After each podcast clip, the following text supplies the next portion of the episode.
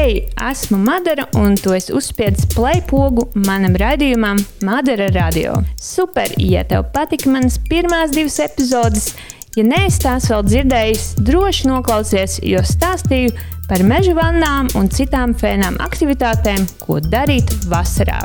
Tātad es veidoju saturu latviešu valodā par dažādām tēmām. Ceru, ka šis radījums būs perfekts sabiedrotājs, darot mājas darbus vai pavadot dienu, piemēram, jūras krastā vai mežmalā. Trešā raidījuma epizode nedaudz nopietnāka, bet ceru, ka uzrunās kādu un varbūt palīdzēs, ko atrisināt. Aiziet!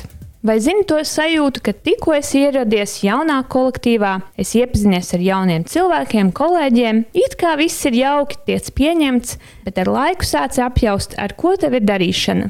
Iespējams, kāds no jaunās kompānijas nereti pasaka ko dzēlīgu, vai pat tevi nokaitina un sabojā noskaņojumu. Varbūt tieši šobrīd atgriezies no mājām darba vidē, un pēc izolācijas laika nespēj rast kontaktu ar kādu darba biedru. Protams, lielākā daļa cilvēku ir draudzīgi, vai vismaz tādi izlieks, bet ir tādi, kuri tevi mēdz gremdēt. Tad nu šodien redzējumā parunāsim par šāda veida personāžiem un kā tikt galā šādās situācijās. Zelta likums numur viens.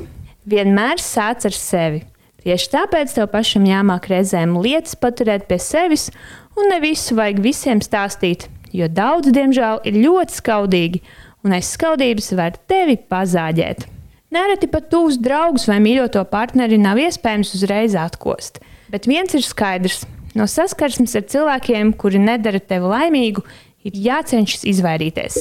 Manuprāt, labs salīdzinājums ir cukurs un tā lietošana. It kā salds un gards, bet ar laiku sabojā gan tavu zobu izskatu, gan veicina svaru palielināšanos, un neko būtībā labu tavai veselībai nedod. Cilvēki ir ļoti dažādi. Ar vieniem attiecības veidojas pavisam vienkārši, bet ar citiem komunikācija prasa ārkārtīgi piepūli, un tu domā, esmu pieklājīgs, cenšos visādi, bet it kā pareizais kontakts neveidojas. Protams, ne visu vajag ņemt nopietni un nevajag apvainoties, jo nereti cilvēkiem ir kādas personiskas problēmas, kas var būt iemesls, kāpēc neveidojas tas īstais dialogs. Ja situācija neuzlabojas, iespējams, es sastaps toksisko cilvēku. Ja situācija neuzlabojas, iespējams, es sastaps toksisko narcisu. Vienu no sarežģītākajiem personību tipiem. Arī man tā ir bijis jāsaka, ka ar šo situāciju saskāros strādājot ārzemēs. Biju gados jaunākā, un tad vecākie iedomājās, ka ir gudrāki un svarīgāki. Ar šo, manuprāt, saskars daudz jauniņie, jo pieredzējušie nereti uzskata, ka O, es taču te daudzus gadus strādāju, esmu pārāks, un tev jau tas nebūs pa spēkam, tu neko nesaproti un tādā garā. Patiesi, tāda vecuma nevienlīdzība pastāv ik uz soļa. Ir dzirdēts, ka jaunos āršus vai citus tikko no augstskolas izkāpušos nepieņem, jo redz, ko tu te atnāci, tāds jauns un zaļš. Jebkurā gadījumā ir jāmāk tā teikt drusku aizstāvēt sevi un nereti uzaudzēt biezāku ādu, jeb neņemt galvā. Ja nu konflikts ir pārāk liels, tas būtu jārisina uzņēmuma vadītājiem, un noteikti nevajag par to klusēt. Negatīvā atmosfērā nereti ir ļoti grūti sastrādāties un koncentrēties tiešajiem pienākumiem.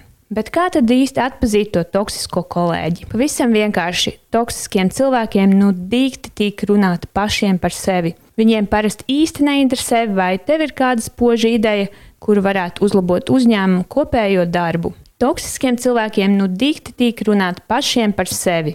Viņiem parasti īsti neinteresē, vai tev ir kāda spoža ideja, kur varētu uzlabot uzņēmumu kopējo darbu, jo viņu idejas tāpat ir pašas labākās. Viņi labprāt daudz runā, ir uzņēmīgi un idejām bagāti. Taču nereti šie ļaudis ar savu rīcību pamatīgi izbasīja apkārtējos.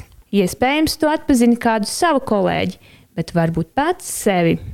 Bet kā tad īsti sadzīvot ar šādu kolēģi zem viena jumta visu garo darba dienu? Kā palikt profesionālam visas dienas garumā un neļauties negatīvām emocijām? Manuprāt, tev pašam ir šāds kolēģis. Vispirms jāpieņem un nevajadzētu ļauties dažādām provokācijām. Varbūt viegli teikt, bet visiedarbīgākā metode ir pasmaidīt vai atbildēt ar joku. Humors tos toksiskos cilvēkus nedaudz sabiedē. Tev ir jācenšas saglabāt pozitīvais savā sirdī, īpaši darba vidē. Ļoti svarīgi ir apzināties savu vērtību, jo tu taču esi pats labākais, vai ne?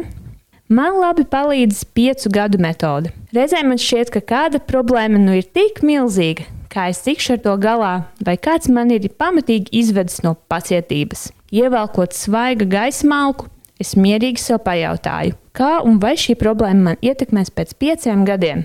Lielākoties tie ir ikdienas krēķi, kas pa lielam ir maznozīmīgi un paliekoši iespaidu uz manu dzīvi neatstāja. Uzreiz paliek daudz vieglāk, un es nepiesārņoju savus smadzenes ar negatīvo. Izmēģini arī tu šo stresu pilnās dienās, kad galva kūp no ikdienas. Gadās, ka toksiskais personāžs tevi izmanto, un tu gribot, negribot, vienmēr palīdzi viņam. Ja tev šāda vai līdzīga situācija ir apnikusi, neataisnojies, bet iemācies pateikt striktu nē. Nē ir viens no visspēcīgākajiem vārdiem jebkurā valodā. Ja jūti, ka ir par daudz, saki nē, un tev nekas nav jāpaskaidro vai jāpamato. Es saprotošs un laipns, bet vienmēr paliec tu pats. Ja otrs tevi aizskar vai izmanto, nekad nenolaidies līdz viņa līmenim.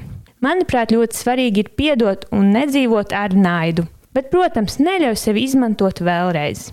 Negatīvismu izslēgšana no savas dzīves nepadara tevi par sliktu cilvēku. Labāk ir piestrādāt pie savas garīgās labsajūtas. Ir tāds teiciens, ne mans cirks, ne mani pērtiķi. Manuprāt, daudziem no mums, tā skaitā arī man, ir jāmācās vairāk koncentrēties uz sevi, nevis domāt par kaut kādiem struntiem. Daudzi saka, esi vienmēr pozitīvs, ko tu tāds sašļucis, kāpēc neesi lielāks optimists. Par optimistu nepiedzimst, bet tu vari censties katru dienu savu dienu padarīt nedaudz labāku. Optimisms, manuprāt, ir tāds kā dvēseles stāvoklis. Tavas domas un garstāvoklis ļoti ietekmē gan tevi, gan apkārtējos. Piemēram, ja esi sadrūmis darba dienas vidū, piezvani kādam, kurš tev iedvesmo vai pastāsta kādu joku. Diena uzreiz paliks priecīgāka. Galvenais, lai ikdienu tev būtu konkrēts dienas plāns, ko sakrīgi darīt. Tad drūmajām domām nemaz neatliks laika, un darba diena paies nemanot. Ja uz darbu ej raudādams jau kādu mēnesi, ir vērts apdomāt, vai tiešām šī ir tava īstā darba vieta. Ir nedaudz jāapstājas un jāapdomā, vai man katru dienu jāiet uz darbu, kur ir tikai negatīvi cilvēki. Noteikti ir kāda cita darba vieta, kur varēs doties ar prieku. To saku tev no sirds, jo pat esmu nomainījis vairākus, vairākus darbus, un atmosfērai ļoti liela nozīme. Tā nauda jau neatsver slikto atmosfēru, kur pavadi tās 9 vai 12 stundas. Citi nereti čīkst, mokās par savu darbu, bet tā vienmēr ir izvēle, un visu var mainīt. Novēlu, lai tev klausītāji vienmēr apkārt būtu labi domu biedri, nevis toksiskie cilvēki. Pozitīva darba vide ir puse no uzvaras, kā mums visiem zināms.